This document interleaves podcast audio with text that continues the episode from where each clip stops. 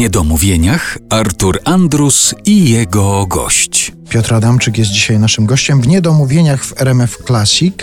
Jeszcze chciałem pana zapytać, jak rozmawiamy o tym zawodzie, rozmawialiśmy o tych rolach, w które aktor czasem popada i stają się bardzo ważne, potem stara się z nich wyrwać i coś następnego zagrać. Chciałem zapytać, co pana zdaniem w tym zawodzie jest najtrwalszego?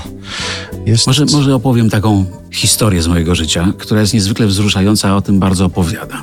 Pamiętam, jak kwestowałem na powązkach i w tym momencie taka starsza, niedowidząca pani podeszła do mnie i przepraszam, czy pan Piotr Adamczyk?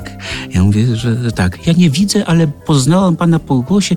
Proszę pana, ja kiedyś biegałam za dorożką Leszczyńskiego. Gdybym była młodsza, to bym za pana dorożką biegała.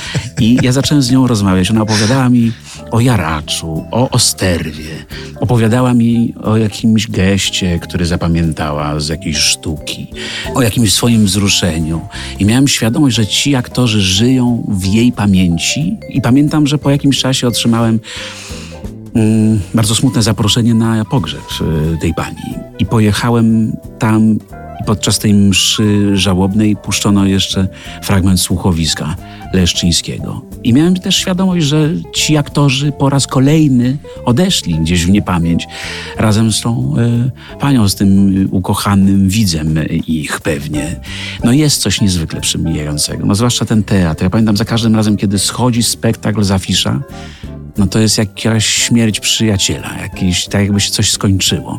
Dopóki jeszcze są dekoracje, to wierzymy, że może to wróci. Czasami tak bywa, że spektakl już schodzi, ale jeszcze później się okazuje, że a jeszcze to wystawimy, bo są dekoracje, ale jak już dekoracje się rozmontowuje i gdzieś tam trafiają do, na przemiał, to wiadomo, że to już nie wróci i zostaje tylko i wyłącznie ta świadomość, że jakiś widz przechowuje to w zakamarkach swojej pamięci. Ale z drugiej strony jest film, no i ten film zostaje i jest już taką e, namacalną pamiątką, można sobie wrócić. Ja oglądam swoje stare jakieś rzeczy, swoje stare filmy, no to dla mnie to są takie trochę zdjęcia czy filmy z wakacji, czy z jakiegoś mhm. czasu życia i przypominają mi się różne mm, związane wokół filmowe, że tak powiem, historie mojego życia. To jest, no tak, no wspominam, patrzę jak się zmieniłem, jak przypominało mi się, co tam wtedy się działo w moim życiu i tak dalej.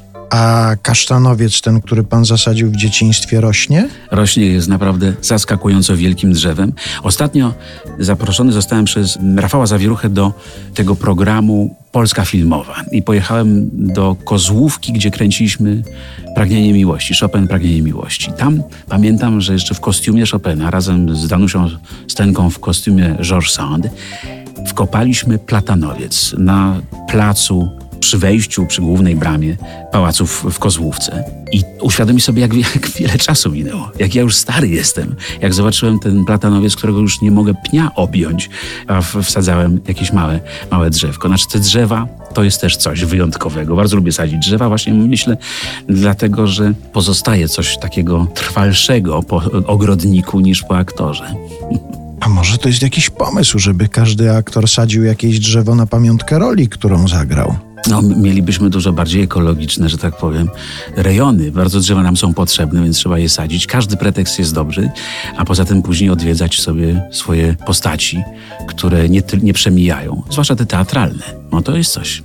Polecam wszystkim aktorom, a poza tym myślę, że wszystkim ludziom. Jeżeli byśmy ważne rzeczy w swoim życiu chcieli zapamiętać i, i żeby coś z nich ważniejszego powstało, no to niech powstanie drzewo.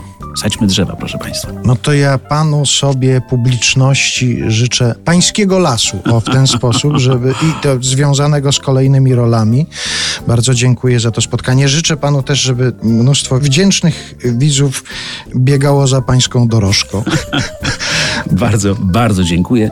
I jeszcze raz na koniec polecam Maydeya. To jest taki film w, kinach, na którym naprawdę można się pośmiać i polubić z tymi widzami, którzy śmieją się z innych e, żartów. A nam akurat takiej wspólnoty coraz bardziej brakuje. Warto, e, warto się pośmiać. Czasem nie z żartów, które się nam podobają, ale właśnie z tych, które się podobają innym.